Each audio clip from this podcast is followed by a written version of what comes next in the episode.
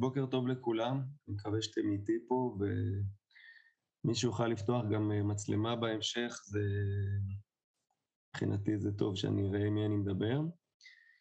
אה, לפני שאני אגיד אולי מילה על עצמי, אני רק אגיד שאני מאוד אשמח אם, לא יודע, לא יודע איפה אתם ואיך זה מתנהל, כלומר, אני מניח שחלקכם באוטובוסים, אה, רכבות וכאלה, ואולי יותר קשה להשתלב. אבל מי שיכול לדבר, לשאול, להעיר, להוסיף, אה, אני מאוד אשמח, אוקיי? כלומר, מבחינתי זה... אני לא, לא מתכוון לשבת פה 50 דקות ולהרצות לכם, אני מאוד אשמח שזה יהיה שיח משותף. אה, אני דוקטור למקרא, מלמד במכללת אורנים ובמכללת דוד ילין בירושלים. ורציתי לדבר היום בעיקר על, על הנושא של אה, החושך, האור, הטוב, הרע, בעולם הקדום, קצת לצאת מחנוכה ופורים שאנחנו עכשיו אה, בפתחו, וללכת אחורה למקרא, לראות בתנ"ך אה, התייחסויות שונות לעניין הזה. ואני לא בטוח שזה יהיה השיעור הכי רלוונטי, כלומר, משהו שתוכלו לעשות איתו משהו בחיים, למרות שאולי כן, אבל אני חושב שזה עוסק בשאלה שהיא מאוד מעניינת ומאוד העסיקה, אני חושב, את האנשים בעולם הקדום, זה הנושא הזה של הרוע, כן? מה עושים עם הרוע, איך מתמודדים עם הרוע, שאלות בסגנון הזה. אה, בסדר, אתם איתי? ככה נתחיל לדבר? טוב, שלום עידו. כן, מה נשמע? בוקר טוב. טוב, אה, רציתי ככה לפתוח באמת, אה, אני חושב שנתתי בכותרת שני ציטוטים. אחד זה ציטוט שאנחנו מכירים מחנוכה של אה, סור החושך הל השחור, כן, איזה מין גירוש של החושך, לעומת מגילת אסתר שמופיע שם ליהודים הייתה אורה ושמחה וששון בעיקר, ומי שקצת זוכר או זוכרת את מגילת אסתר, אז uh, בסך הכל זו מגילה מאוד נחמדה, ולכן גם החג הזה הוא מאוד נחמד. כאילו, היהודים חיים בפרס, בשושן הבירה, וחיים באיזשהו אופן שהוא מאוד משולב עם הפרסים, עם הקהילה שם. יש איזה מין אווירה מאוד טובה, וגם כשיש uh, דברים שצריך להתמודד איתם, אז uh, מחתנים את אסתר עם אחשוורוש, ויש איזה מין התמודדות כזו עם, ה, עם העולם, עם החלקים היותר אה, שליליים של, ה, של העולם, באיזושהי צורה של אה, לומדים להסתדר עם זה, יש איזה מין, אה, מוצאים את הפשרות, כן, מגיעים ל... יוצרים איזו זוגיות בין אחשוורוש לאסתר, שבעזרת מרדכי מנסים למצוא את הדרכים הנכונות לטפל בבעיות, אבל יש כאילו איזה מין סוג של קבלה של, ה... של העמדות השליליות כלפי היהודים באותה תקופה, ומתמודדים איתם באיזה אופן ש, אה, שהוא לא מלחמת חורמה ואנחנו נגדם וזה הכל, אלא יש איזושהי התמודדות יותר מורכבת. לעומת זאת חנוכה, מי שזוכר את חנוכה, חנוכה בעצם הרעיון של החג או המלחמות מתחילות במלחמה של המכבים נגד המתייוונים, נגד אנשים ש... מקבלים את התרבות היוונית, כלומר יש איזה משהו הרבה יותר לוחמני, הרבה יותר אה, קשה, הרבה פחות אה, סובלני, הרבה פחות מקבל, והניגוד הזה, צריך להגיד משהו אולי על שני החגים האלה, על חנוכה ופורים, מדובר על שני חגים שהם אה, בסוף תקופת התנ"ך כזה, כן? כלומר, אנחנו ממש בשלבים האחרונים, גילת אסתר עוד נמצאת בתנ"ך. חנוכה בעיקרון לא נמצא בתנ"ך, למרות שיכול להיות ש... חלק מספר דניאל נכתב בתקופה הזו. כלומר, אנחנו נמצאים בסוף תקופת התנ"ך, ואנחנו מקבלים שני חגים שהם שני חגים ש... של חז"ל, כן? של הרבנים, שמאוד אה, הכניסו אותם למעגל, ה... למעגל החיים היהודי ולמעגל השנה, אבל הם שני חגים שהם מאוד שונים כמובן מפסח וסוכות ושבועות, מהחגים של התורה, וכמו שאני אומר, שניהם, הם, יש בהם נקודות דמיון, שזה התמודדות עם איזשהו עם אחר שעושה כל מיני בעיות ורוצה אולי להשמיד את היהודים או להילחם ביהודים, אבל ההתמודדות היא מאוד שונה. אוקיי? חנוכה זה מלחמת אה, אור בחושך, אנחנו הטובים, הם הרעים, מלחמה ככה מאוד קשה. לעומת זאת פורים זה משהו הרבה יותר גמיש, הרבה יותר נזיל, יש אה, איזשהו עירוב הרבה יותר גדול בין האוכלוסיות. חז"ל מספרים שהיהודים היו במשתה הגדול של, אה, של אחשוורוש, והם לקחו חלק. אומרת, שהיא מין חברה שהיא יותר אה, מעורבת, יהודים, לא יהודים, ויש איזושהי התמודדות מאוד שונה, אוקיי? אני רוצה ככה לקחת את ה... שתי ה... שני המודלים האלו של המלחמה בחושך, מלחמה ב... במרכיבים היותר שליליים של, ה... של העולם שלנו, וללכת איתם טיפה אחורה לתקופת המקרא, לתנ"ך, ולנסות לראות, להגיד משהו על הדבר הזה. אוקיי? אז אני, אני רוצה ש... אה, לפתוח עם אה, טקסט שכולכם מכירים אותו, וקצת לדבר עליו, אני אשתף מסך. אה, אני מקווה שאתם... רגע, מי יכול... שי או... מי יכול לאפשר לי? בוא נראה. הנה, עכשיו שמתי אותך הוסט, ואתה אוקיי. יכול לשתף אותך. יופי, תודה. אמ, טוב, אני, אני הבאתי פה באמת את הפסוקים הראשונים מספר בראשית, בואו נקרא אותם שנייה. בראשית ברא אלוהים את השמיים ואת הארץ, והארץ הייתה תוהו ובוהו, וחושך על פני תהום, ורוח אלוהים מרחפת על פני המים. ויאמר אלוהים יהי אור, ויהי אור, וירא אלוהים את האור כי טוב, ויבדל אלוהים בין האור ובין החושך, וכמובן שסיפור הבריאה ממשיך, אני מניח שאתם אה, זוכרים את זה מי יותר מי פחות, כל הבריאה ביום הראשון ככה, ביום השני ככה וכולי. אם אנחנו מסתכלים על הפתיחה הזו, מה בעצם אנחנו רואים פה? אנחנו רואים פה איזשהו תיאור, איזושהי, איזושהי הקדמה לסיפור, שמספרת לנו מה קרה בהתחלה, כן? כשאלוהים ברא את השמיים ואת הארץ. אז מה, מה מספר לנו פסוק ב'? שהארץ הייתה תוהו ובוהו וחושך על פני תהום ורוח אלוהים מרחפת על פני המים. בעצם התיאור הזה הוא תיאור מאוד מעניין, כי אנחנו הרבה פעמים רגילים לחשוב, ובדרך כלל גם הפרשנות המסורתית וחז"ל מאוד הלכו לכיוון הזה, של מה שנקרא אה, בריאה יש מאין, כמו שאמרתם את הביטוי הזה, כלומר כאילו לא היה כלום, היה רק את אלוהים, אוקיי? אלוהים היה איזה מין כוח קדמון כזה, והוא אה, קם בוקר אחד, החליט שהוא בורא את העולם, לא היה שום דבר, והוא התחיל לברוא את העולם. אבל כשאנחנו מסתכלים בתיאור כאן של ספר בראשית, אנחנו מקבלים תיאור קצת אחר. אנחנו שומעים בעצם שהיו דברים עוד לפני הבריאה, ביניהם למשל חושך, כן, תוהו ובוהו זו שאלה בדיוק מה זה, בוא נשים את זה בינתיים בצד, אבל חושך על פני תהום, ורוח אלוהים מרחפת על פני המים. כלומר, אז מלבד רוח אלוהים, יש לנו לפחות גם חושך, וגם מים, אוקיי? כלומר, אלוהים בעצם לא, לפי הפסוק הזה, או לפי הפתיחה, לפי הסיפור הזה, אלוהים לא ברא את כל מה שיש לנו בעולם, אלוהים לא ברא את החושך, את המים, ובעצם מה שאנחנו מבינים שאלוהים כן ברא, זה האמירה שלו בפסוק ג' ויאמר אלוהים יהי אור, כן? זה בעצם ה... ה... ה... זה איזושהי פתיחה שמספרת לנו, זה איזשהו כלל שבהמשך יפרטו לנו מה זה האור הזה. אם אתם זוכרים את ההמשך, אז כל פעם, כל יום שמסתיים כתוב וירא ויבוקר, ולפני כן כתוב וירא אלוהים כי טוב, וירא אלוהים כי טוב. אוקיי? כלומר, בעצם מה שמספר לנו הסיפור הזה, שאלוהים ברא את האור. אוקיי? הרבה פעמים שואלים, אני לא יודע אם אתם זוכרים, אני רגע אזור את השיתוף הזה. לא שאני ממש רואה אתכם אה, ככה, אבל בכל זאת אני רואה את הריבועים השחורים, אז קצת יותר מלא לראות בכלל. אה, הרבה פעמים, אם אתם זוכרים, ביום הרביעי נבראו המאורות, השמש, הירח, והרבה פעמים שואלים, וגם חז"ל מאוד שאלו, רגע, אז מה זה האור הזה שנברא בהתחלה? כאילו, אם המאורות, השמש והירח והכוכבים נבראו ביום הרביעי, אז מה זה האור הזה שנברא בהתחלה? יש על זה הרבה הסברים בקבלה, בזוהר, שזה איזשהו האור הגנוז לצדיקים, שאלוהים באמת ברא את האור, אבל הוא הסתיר אותו, גנז אותו, הכניס אותו לאיזה אה, מחבוא, והוא יוציא אותו לעתיד לבוא לצדיקים אה, וכולי.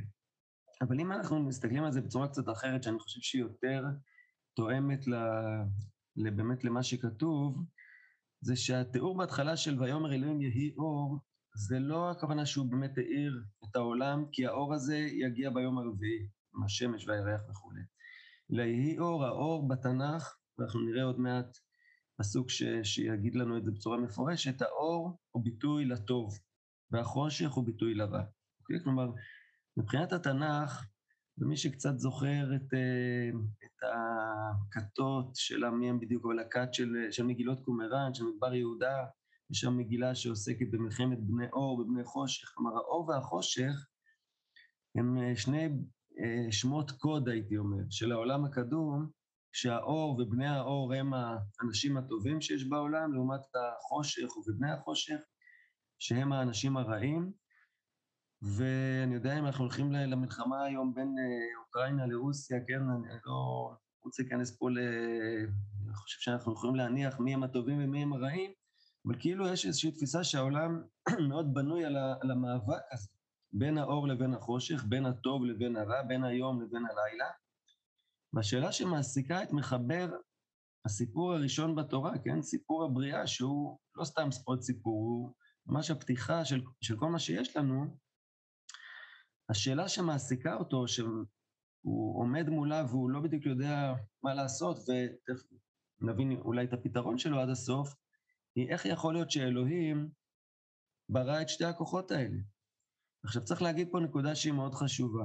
כלומר, בעולם הקדום, שלפני התנ"ך, יש ריבוי אלים, נכון? כולנו מכירים את כל המיתולוגיות, אנחנו מכירים את המיתולוגיה היוונית בעיקר, אבל היו מיתולוגיות כנעניות ובבליות ומצריות, כלומר היה הרבה מאוד אלים. ברגע שיש הרבה אלים, אני יכול להגיד שהאלוהים שלי, שאני אוהב אותו, שאני עובד אותו, הוא אל טוב. אבל יש אלים אחרים שברו את החושך. הבעיה של התנ"ך, או לפחות של הסיפור הזה, שהוא חלק מהתנ"ך, זה שהוא כבר תופס את העולם באיזושהי תפיסה, מה שאנחנו קוראים לזה מונותאיסטית, כן? תפיסה של אל אחד. ואם יש אל אחד, אז אני לא יכול להפיל את החלקים השליליים של העולם, כן? אני לא יכול להאשים במעשים של פוטין איזשהו אל שלילי שאני לא עובד אותו ולא סובל אותו ואני אולי מפחד ממנו, אבל הוא לא האל שלי. בתפיסה המקראית, המונותאיסטית, בעצם חוזרת השאלה הזו של רגע, מה עושים עם, ה, עם הרוע הזה? למה ילדים מתים? למה אנשים הופכים להיות פליטים? פליטים? וכמובן שבעולם הקדום, אולי גם בעולם שלנו, אנשים מבינים שדברים לא קורים סתם, ויש איזשהו מישהו מלמעלה שמנהל את הדברים האלו, והשאלה איך אני מתמודד עם הבעיה הזאת.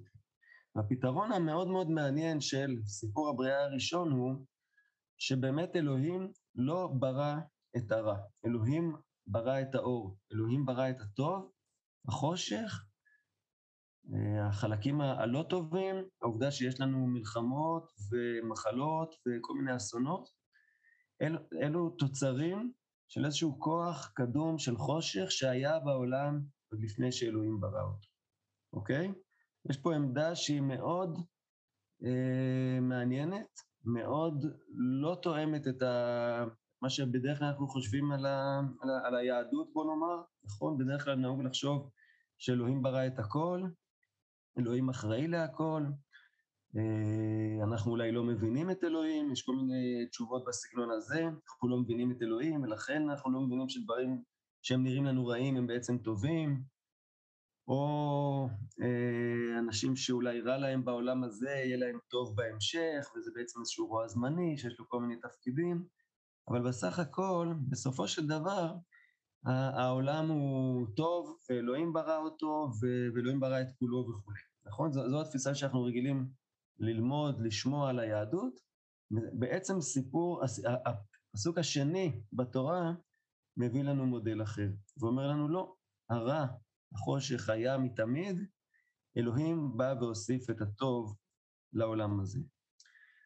אה, זה ברור, אתם איתי, מה, איפה אתם? חוץ מזה שאתם אה, בדרך לבסיס.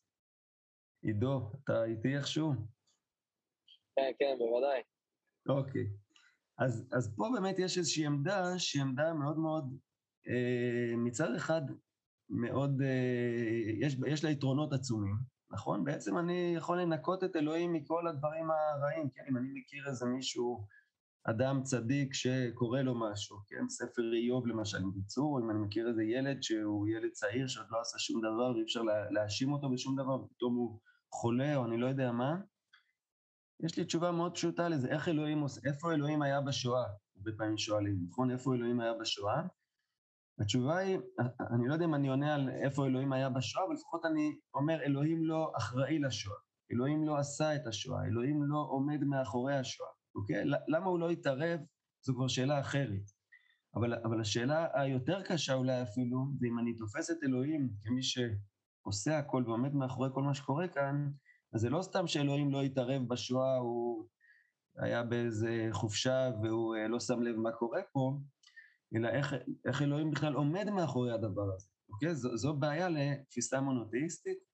בא סיפור הבריאה הראשון הזה ואומר לנו, את השואה אלוהים לא עשה.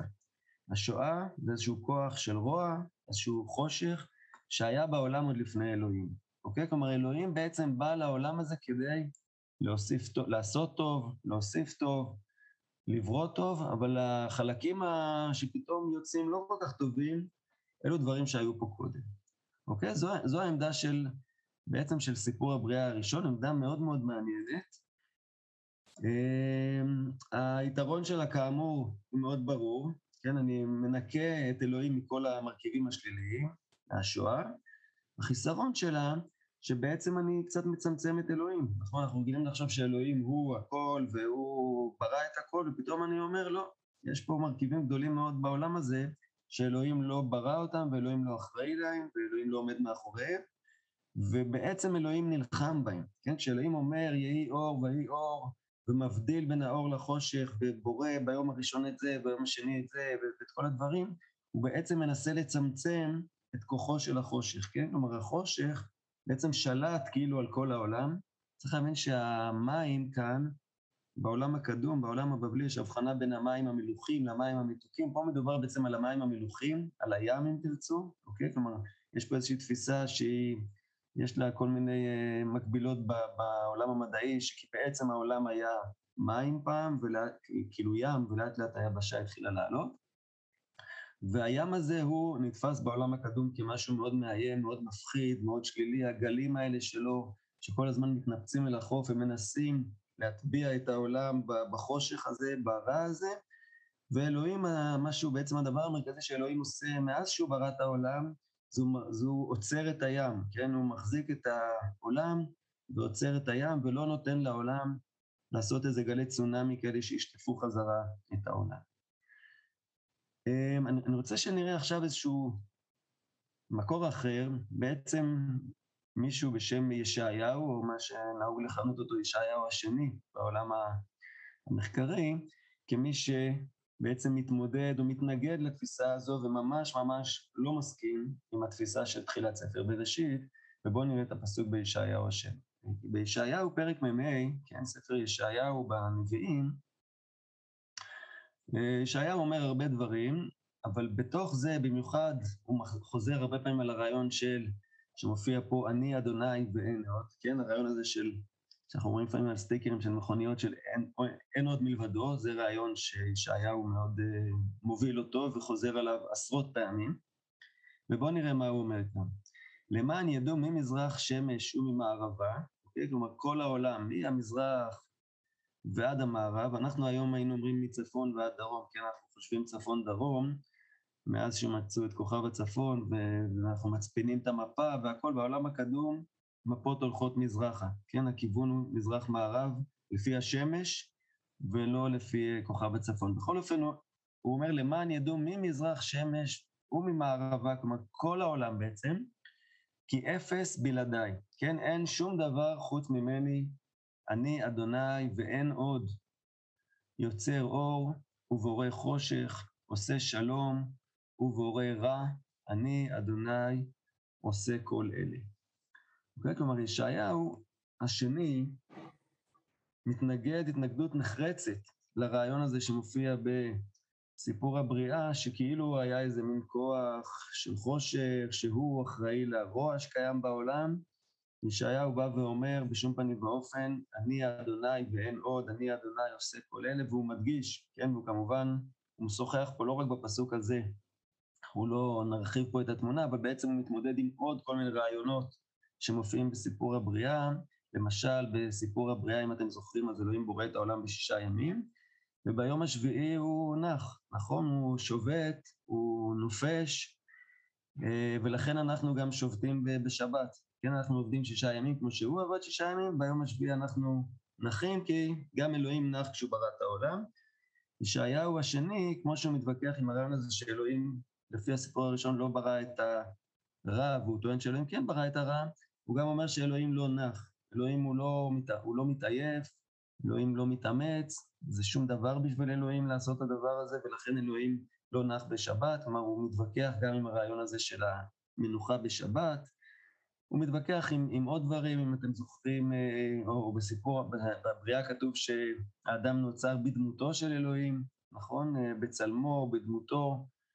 יוצא מזה שלאלוהים יש דמות, יש לו איזושהי צורה, משהו שישעיהו השני לא כל כך רוצה לקבל, כי הוא תופס את אלוהים באיזשהו אופן יותר מופשט, אז הוא אומר, מה פתאום, אין לי דמות, אין לי צורה, כלומר הוא מתווכח עם כל מיני רעיונות בסיפור הבריאה, ולכן מאוד מאוד ברור שכשהוא מדבר פה על האור והחושך, הוא לא סתם מביא אותם משום מקום, אלא הוא מתווכח עם האור והחושך של סיפור הבריאה, ובעצם הוא אומר, אלוהים ברא את הכל, גם את האור, גם את החושך, ולא, אה, ולא רק את האור, כמו שמספר לנו סיפור הבריאה. בסדר? כלומר, יש פה איזשה, איזשהו מאבק, איזשהם שתי תפיסות מאוד חזקות, שאלו אולי שני הפסוקים שאומרים את זה בצורה הכי אה, מפורשת, אחד מול השני, אור מול חושך, סיפור הבריאה מול ישעיהו, אבל בעצם השאלה הזו באה לידי ביטוי במקומות נוספים בתנ"ך. ואני רוצה ש, שנראה אולי עוד איזה מקור, אנחנו עכשיו בפורים, אבל עוד מעט גם מגיע פסח, אני רוצה שנראה עוד איזה כמה פסוקים לגבי פסח, ותראו איך, איך הרעיון הזה שוב בא לידי ביטוי בדוגמה נוספת, בדוגמה של פסח, אבל הוא כמובן בא לידי ביטוי בנקודות נוספות אה, בתנ"ך. מישהו רוצה לשאול משהו, להעיר, לאיפה אתם? שום דבר, אוקיי. אה, אז, אז בואו נראה כמה פסוקים שקשורים, או בואו, אתם יודעים, אולי אני אשאל, אתם יכולים לדבר כאילו? כן. כן, כן, כן, כן יכולים לדבר. בואו נלך שנייה לפסח. בסדר, ראינו פה את הוויכוח הזה בין ישעיהו לבין אה, הבריאה, לבין סיפור הבריאה. מה, מי אחראי לרוע, נכון? אמרנו שסיפור אחד אומר שאלוהים אחראי להכל, זה ישעיהו, והסיפור השני אומר ש... אם אנחנו הולכים לסיפור פסח, פסח בעצם מסתיים, המכה האחרונה לפני שישראל יוצאים אה, ממצרים, היא מכת בכורות, נכון? מי מכה את הבכורות, אתם זוכרים? מלאך המוות. לא הבנתי, טל? רוח אלוהים, לא? משהו כזה. רוח אלוהים את הבכורות? אלוהים... יכול להיות גם שלא. או, אוקיי, אז, אז תכף נראה. כלומר, לפי התיאור הזה, אלוהים מכה את הבכורות. אני לא יודע אם אתם זוכרים, אבל למשל בהגדה של פסח אנחנו, יש, יש איזה מין אמירה כזו, אה, אני, אני ולא מלאך, אני ולא שרף, אני אדוני ולא אחר. מוכר לחלקכם איזשהו אופן? כלומר, בהגדה של פסח, אני מקווה שאתם תקראו את ההגדה, אז אתם תגידו שם שאדוני היכה כל בכור בארץ מצרים, ואפילו ההגדה מדגישה את זה, כן? אני ולא מלאך, אני ולא שרף, שרף זה עוד איזה סוג של מלאך, אני אדוני ואין עוד וכולי, כלומר ההגדה שהיא הולכת בכיוון של ישעיהו השני, רוצה מאוד להדגיש שאדוני היכה את הבכורות במצרים, אוקיי? כלומר בעצם אדוני היכה את הבכורות במצרים, ואז בואו ננסה לחזור רגע לסיפור של פסח, של מצרים, לראות מה קורה שם. אם אתם זוכרים, אדוני אומר למשה להגיד לעם לשים דם על הדלתות, נכון? על המזוזות ועל המשקוף, לשים דם על כל הפתחים כדי להבדיל בין הבתים של המצרים לבין הבתים של ישראל, אוקיי? לפי התיאור שאמרנו עכשיו, לפי התיאור של ההגדה למשל, אדוני מגיע למצרים והוא בא להרוג את הבכורות. עכשיו, איך הוא יודע איזה בכור להכות ואיזה לא? הוא מסתכל על הפתח. כן, אם הוא רואה שיש פתח עם דם, הוא מדלג מעליו, כן? הוא פוסח מעליו. נכון, המילה לפסוח, אנחנו אחת המשמעויות שלה היא לדלג, אז הוא מדלג מעל הבית שיש בו דם כדי להגיע לבית המצרי, לבית הבא, רואה שאין דם, מכה את הבכור, הורג אותו, עובר לבית הבא וכולי. כלומר, הוא בעצם עובד לבד, כן? בלי קבלני משנה בעניין הזה. הוא יורד למצרים, עובר בית-בית, יש דם, מדלג מעליו, אין דם, הורג את הבכור, והמצרים קמים בבוקר, וכל בית יש שם הרבה מאוד מתים, כל הבכורות והכול, ומחליטים להוציא את ישראל ממצרים, נכון? זה תיאור אחד, זה התיאור של ההגדה למשל. אבל אם נסתכל בתנ"ך, נראה שהתיאור הזה קיים, אוקיי? ההגדה לא המציאה את זה. אבל לצד התיאור הזה, יש עוד תיאור אחר, שונה. בואו, אני עוד פעם אשתף את המסך ונראה את הפסוקים האלה. אה, לא זה, פה. אני טיפה אקטין אותו.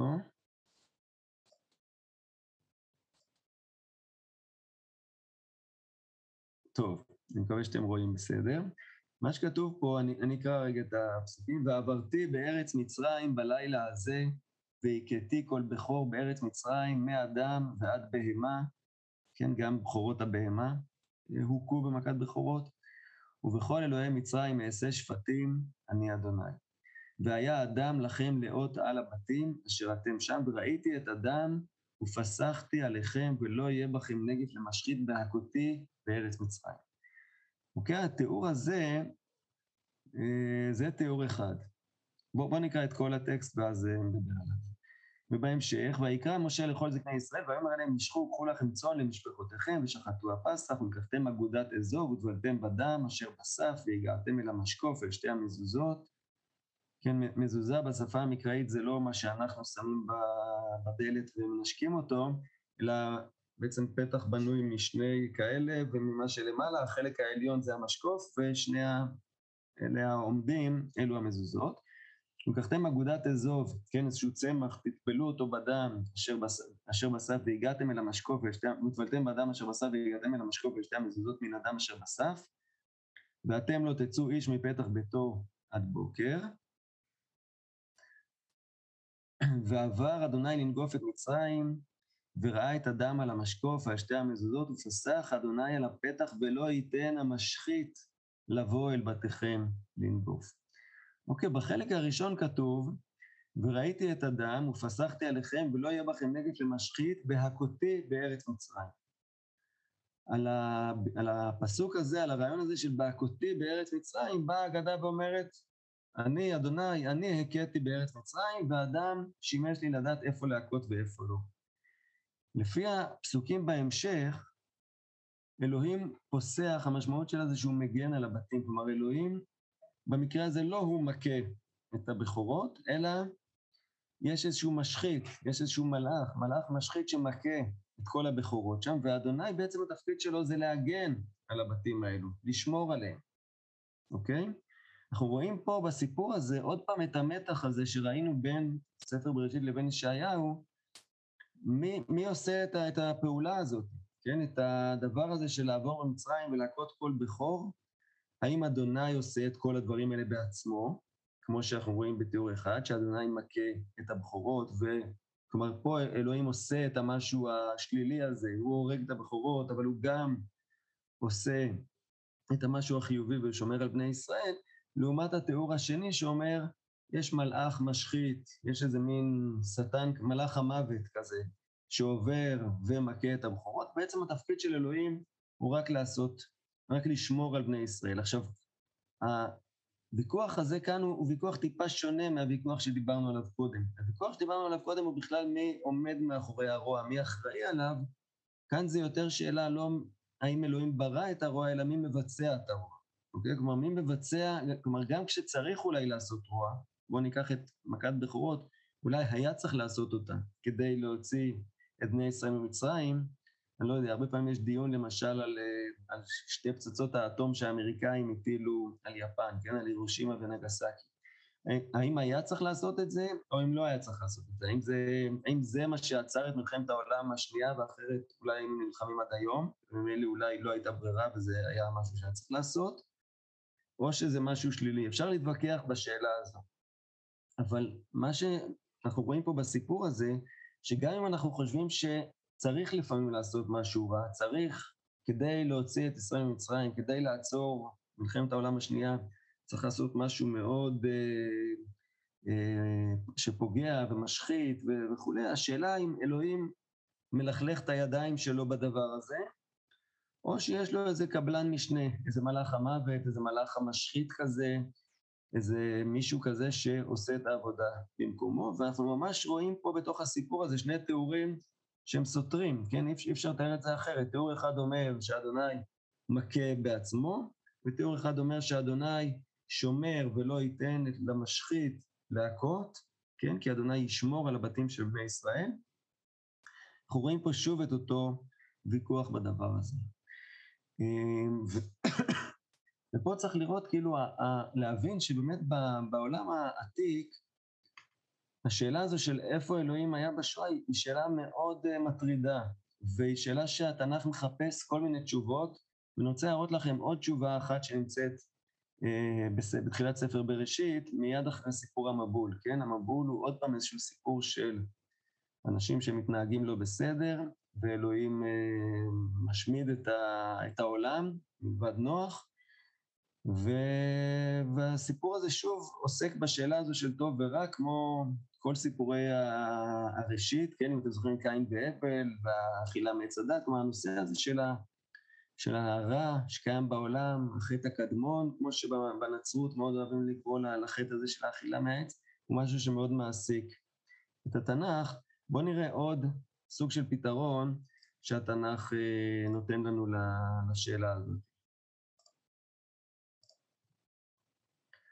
אחרי סיפור, אחרי המבול בעצם מסתיים בתיאור של היציאה של נוח מהתיבה, ובואו נראה מה קורה פה. ויצא נוח ובניו ואשתו ונשב בניו איתו, כל החיה, כל הרמס וכל העוף, כל רומס על הארץ ומשפחותיהם יצאו מן התיבה. ויבן נוח מזבח לאדוני, ויקח מכל הבהמה הטהורה ומכל העוף הטהור, ויעל עולות במזבח, וירח אדוני את ריח הניחוח, ויאמר אדוני אל ליבו לא אוסיף לקלל עוד את האדמה בעבור האדם, כן, בגלל האדם, כי יצר לב האדם רע מנעוריו, ולא אוסיף עוד להכות את כל חי כאשר עשיתי, עוד כל ימי הארץ זרע וקציר וקור וחום וקיץ וחורף ויום ולילה לא ישבות. כלומר, כאן יש אמירה שהיא נשארה כאמירה מאוד ידועה, כן, יצר לב האדם רע מנעוריו, אבל בעצם מי שכותב את, ה, את הפסוקים האלו, הוא רוצה להגיד שמי שאחראי, מי שעומד מאחורי המבול, מי שעומד מאחורי הדברים האלו, זה האדם, כן? כלומר, אלוהים בעצם, הוא, הוא לא ברא את הרע, אלוהים ברא עולם טוב. למה יש לנו רע, לפי הפסוקים האלו? לא בגלל איזה כוח קדמון שהיה בעולם, לא בגלל שזה איזשהו קבלן משנה של אלוהים, כמו שראינו בסיפור הבכורות, אלא מכיוון שהאדם הוא, יש לו יצר רע, יש לו מרכיבים שליליים בתוכו, ובעצם צריך להאשים אותו, אוקיי? כלומר, אם אנחנו מסתכלים, אני לא יודע, על פוטין כדוגמה, אז הטקסט הזה יגיד לנו מה, מה אתם רוצים מאלוהים, כאילו, אלוהים לא... זה לא קשור אם אלוהים עשה את הרע או לא עשה את הרע, אלוהים עשה עולם טוב, אבל בני האדם הם אלו שמקלקלים, הם אלו שמשחיתים. האמירה הזו מצד אחד היא אמירה אה, שנותנת הרבה אחריות לאדם, נכון? כלומר, אנחנו בעצם, יש לנו יכולת בחירה בין טוב ורע, ואנחנו צריכים לבחור בטוב, ואנחנו צריכים להבין שאם אנחנו נתנהג בצורה שלילית, אז הדברים אה, יהיו רעים וכולי. אבל מצד שני זו אמירה שהיא אה, מאוד בעייתית מבחינה, דתית, מבחינה אמונית, מבחינת האמונה של המקרא, מבחינת האמונה של התנ"ך. כי, קודם כל כי האדם נברא בצלמו ובדמותו של אלוהים. אז אם באדם יש איזשהו יצר רע, זה אומר שגם לאלוהים יש יצר רע. נכון? יש איזושהי זהות מלאה, יש התאמה מלאה בין האדם לבין אלוהים, וממילא גם אלוהים, יש בו גם את המרכיב הרע הזה. וזה משהו שהוא יכול להיות בעייתי.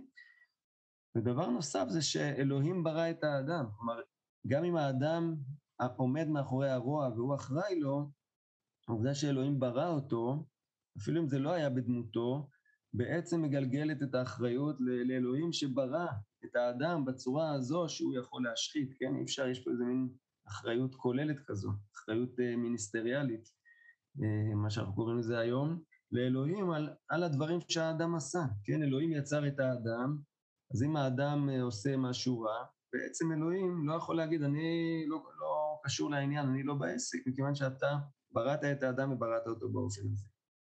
ולכן הפתרון הזה הוא פתרון קיים, אבל הוא לא פתרון כל כך טוב, ולכן ראינו גם את הפתרון של הבריאה בהתחלה, ראינו את ישעיהו שאומר אחרת, כלומר בעצם אנחנו מקבלים פה איזושהי מין תמונת מצב שלא כולה, אה, שאף אחת מהפתרונות לא נותנים פתרון טוב לעניין הזה. אה, אני מתלבט אם לקרוא לכם עוד איזה מדרש קטן, או, או פשוט להגיד, אתם יודעים מה, בואו בוא נקרא אותו, אני, אני מקווה שאתם אה, איתי כזה. בואו נקרא עוד טקסט אחד, ובזה נסיים את הטקסטים וננסה ל, ל, להגיע לכיוון של סיום וסיכום. אמ, אני רוצה לקרוא לכם מדרש אה, שאני חושב שהוא מעניין, אמ, שבאמת, שוב, אה, שמתחבר לסיפור הבריאה. בסיפור הבריאה אמרנו אה, שאלוהים בורא ביום הראשון, ביום השני וכולי, וביום ה... ביום הרביעי לדעתי, או ביום החמישי, הוא בורא, ב, ביום ה... סליחה, אולי השלישי, הוא בורא את הדשא, כן? את ה... בוא, בוא, בוא נקרא את. ויאמר אלוהים תדשא הארץ דשא, כן? מדובר פה על כל בריאת הצמחייה וכל זה, לפני בעלי החיים. תני בשם רבי נתן, כן? יש פה איזה אה, לימוד בשם רבי נתן. שלושה נכנסו לדין וארבעה יצאו מחויבים, ואלו הן אדם וחווה ונחש נכנסו לדין ונתקללה הארץ עמהן, שנאמר ערובה האדמה בעבורך, שתהא מעלה לך דברים ארורים כגון יתושים וזבובים ופרושים. בעצם הדרשן פה, ותכף הוא שואל למה נתקללה, הדרשן שואל פה איזושהי שאלה, הוא אומר, אנחנו יודעים בהמשך, אחרי סיפור הבריאה, יש לנו את סיפור האכילה מעץ הדעת, ושם הנחש בעצם מעודד את חווה לאכול מהפרי, והיא נותנת לאדם, כלומר, יש פה שלושה אנשים שאפשר להאשים אותם בחטא הזה של האכילה מפרי עץ הדעת, וזה האדם וחווה והנחש. אבל בתוך העונשים, אדם מקבל את העונש שלו, נכון? בזיעת אפיך תאכל לחם, חווה מקבלת את העונש שלה בעצת תלדי בנים, והנחש מקבל את העונש שלו על גחונך תלך, ועפר תאכל כל ימי חייך וכולי. אבל משום מה כתוב שם גם שארורה האדמה בעבורך. והדרשן הזה שואל, הבנתי למה האדם, למה חווה ולמה הנחש נענשו, אבל למה האדמה נענשה? כן, למה האדמה מתחילה להיות מקוללת? למה האדמה גם, כן, והאדמה פה זה, זה בעצם ביטוי לעולם, אוקיי? כלומר, בעצם כאן למשל, בסיפור הזה של אדם וחווה, והדרשן הולך עם הסיפור הזה, יש פה, שוב, זה, זה תיאור שדומה למה שקראנו, למקור האחרון שקראנו, כן, לסיפור, אה, ליצר לב אדם רע מנעוריו, כלומר, לפי התיאור כאן, בעצם אלוהים ברא עולם מצוין, עולם מושלם, אבל בני האדם והחיות, הנחש והאדם וחווה, הם קלקלו, הם הרסו, הם אלו שהביאו את כל הרוע לעולם. התפיסה הזו מאוד מאוד חזקה בנצרות, כן? הנצרות, האדם הוא מאוד uh, אחראי לכל הרוע, ובעצם כל התפקיד שלו זה, זה לעשות uh, הרבה טוב ולאהוב וכולי, כדי לאט לאט לכפר על, ה, על החטא הקדמון הזה. והרעיון הזה כמובן נמצא גם בתורה, הוא לא הרעיון היחיד כמו שראינו, אבל הוא נמצא. אבל השאלה שהוא שואל, אם ככה, למה העולם, גם, למה האדמה גם התקללה? למה נתקללה? ובואו נראה את התשובה של רבי יהודה בן רבי שמעון. רבי יהודה בן רבי שמעון אמר שעברה על הציווי, שכך אמר לה הקדוש ברוך הוא, עץ פרי עושה פרי, ככה מתואר בהתחלה שאלוהים אומר שהוא יעשה עץ פרי עושה פרי. המשמעות של הביטוי הזה, עץ פרי עושה פרי, זה כמו שנאמר פה בהמשך, מה הפרי נאכל, אף העץ נאכל. כלומר, מבחינת אלוהים, אלוהים תכנן לברוא עולם שבו כשיש לנו עץ אפשר אה, לחתוך חתיכה מהגזע ולאכול, אפשר לאכול עלים, ענפים, פירות, כל העץ הוא, הוא הפרי, כן? כל העץ הוא עושה פרי, אבל הארץ כלומר, עץ פרי עושה פרי, לעומת זאת, והיא לא עשתה כן, אלא ועץ עושה פרי. הפרי נאכל והעץ אינו נאכל. אוקיי? כלומר, בעצם המדרש הזה מביא איזשהו רעיון מעניין מאוד נוסף, שאומר, בעצם יש איזשהו פער, יש איזשהו, איזשהו הבדל בין העולם האידילי, העולם שאלוהים רצה לברוא, שהוא עולם מושלם, עולם שיש בו רק טוב, עולם שאפשר לאכול את העצים, והכול בו, כן, איזה מין אה, עליזה בארץ הפלאות כזה, אבל העולם לא עמד בציפיות, כן? כאילו האידיליה שהיא טובה כאיזה רעיון מופשט, בסוף כשצריך להפוך את הדברים האלו מרעיון למוצר, למשהו פיזי, יש איזושהי ירידה בדרגה, יש איזשהו... אה, זה, זה כבר לא הרעיון המקורי שאלוהים רצה לעשות, ובעצם זה, זה הרע שקיים בעולם. בסדר? כלומר, בעצם הארץ, באופן שבו היא נבראה, היא כאילו לא נבראה כמו שאלוהים בעצם רצה לברוא אותה.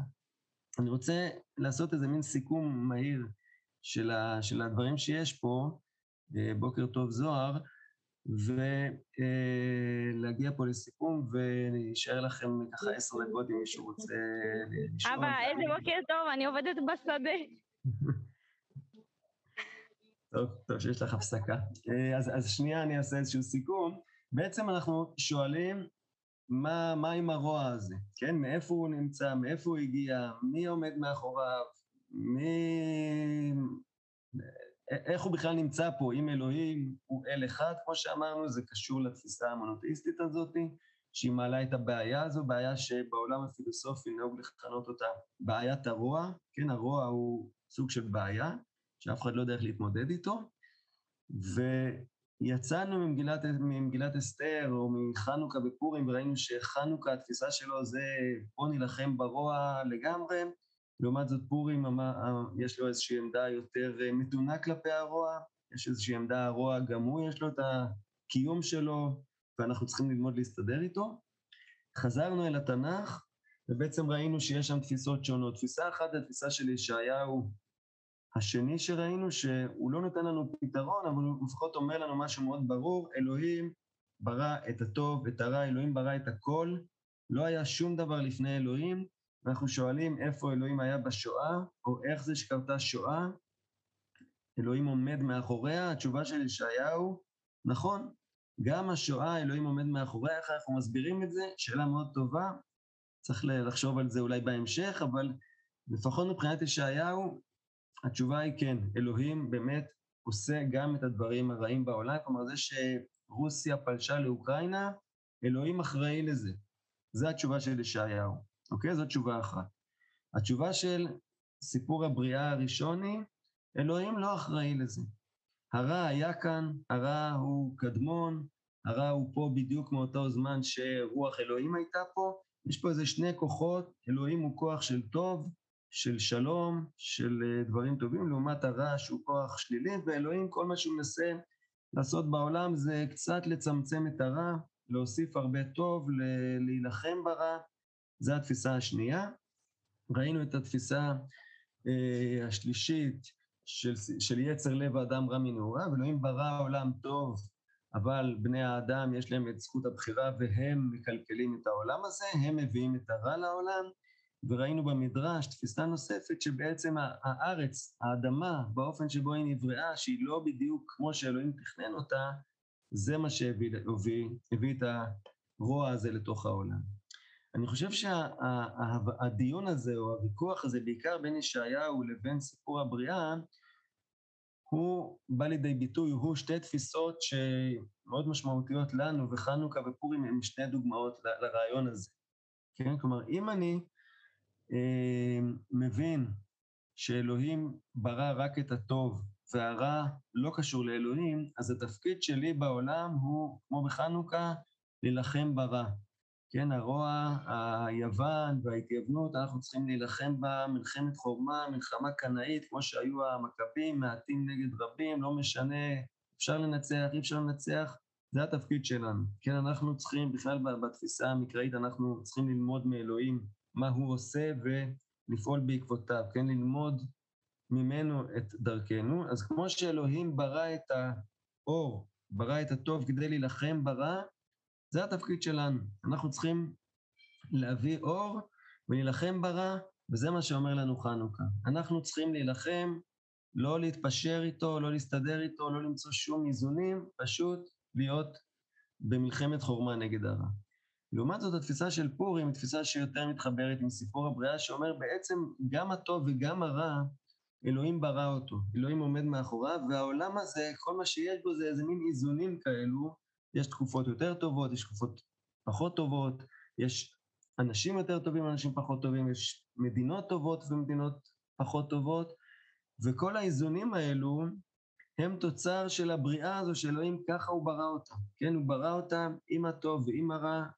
זו התפיסה, סליחה, של ישעיהו, לא של, ספר, של סיפור הבריאה, זו התפיסה של ישעיהו, שאלוהים ברא את הכל ואלוהים בעצם מאזן את העולם בתוך זה, וזה גם התפקיד ממילא שלנו, ולכן פורים בא ואומר, אוקיי, יש את הפרסים, יש אה, זה, אנחנו לא צריכים לבוא ישר במלחמה נגדם, אנחנו צריכים אה, להיות בקשר איתם, אסתר מתחתנת עם אחשורוש, וביחד הם מנסים להוביל את הדברים ולנתב את האונייה ואת הקהילה היהודית לאיזשהו מקום שהם יכולים אה, לחיות בו ולהסתדר. אוקיי? ואני חושב שהנקודה הזו היא, היא יכולה להיות משמעותית לנו. אמרתי לכם בהתחלה שאני לא בטוח שהשיעור הזה, אני פשוט ראיתי כותרות של אה, שיעורים אה, אחרים שיש פה שהם ככה לפעמים באמת יותר פרקטיים, עניינים כלכליים ודברים בסגנון הזה. יכול להיות שהשיעור הזה הוא פחות פרקטי, אבל אני חושב שהוא בעצם מציג לנו שתי עמדות, כן, כשאנחנו עומדים מול, לא יודע, מול המלחמה, בואו ניקח אותה כי היא כרגע בכותרות בין אוקראינה לרוסיה, אז אנחנו יכולים להגיד, אנחנו, התפקיד שלנו להילחם ברוע, להשמיד אותו, להרוג אותו, אה, שום מוכנות לפשרה, אסור לבנט לנסוע ולהיפגש עם פוטין, הוא צריך לנסות ל- לעשות כל דבר כדי פשוט להשמיד אותו. זו תפיסה אחת. אולי התפיסה יותר של חנוכה, לעומת תפיסה אחרת שאומרת לא, העולם הזה יש בו טוב ויש בו רע, ואנחנו צריכים לנסות להתנהל באיזושהי צורה הכי חכמה שאפשר ובין הטיפות, ולהסתדר עם שני המרכיבים, כלומר לא להסתכל על הרוע כאיזה משהו אה, שלילי שאסור לו להיות פה וכל מה שאנחנו צריכים זה להילחם בו, אלא אלוהים ברא אותו ויש לו תפקיד ויש לו מקום, ואנחנו צריכים לדעת להתנהל בין שני הכוחות האלה. מבחינתי אה, סיימתי, תודה רבה לכולם, שיהיה לכם אה, שבוע נפלא. אם מישהו רוצה, מישהו, מישהי, לשאול, להעיר, אני בשמחה אתייחס. אני אשמח להגיד משהו. כן. תוך כדי, תוך כדי שבעצם אה, הצגת גם את הגישות וגם שדיברת על זה ש... בגדול אלוהים רצה שיהיה עץ אה, פרי עושה פרי, אבל בעצם העץ החליט שהוא יהיה עץ עושה פרי. אז כאילו, עלתה לי השאלה ש, שאם אלוהים הוא כל יכול ו, ויש לו את ה... כאילו, כביכול הוא, מבחינתו הכל צפוי, ולפי מה שהוא מחליט אז ככה יהיה, אבל, אבל בסוף, בשטח, זה לא מתכתב ככה, כאילו בסוף העץ עשה מה שהוא החליט.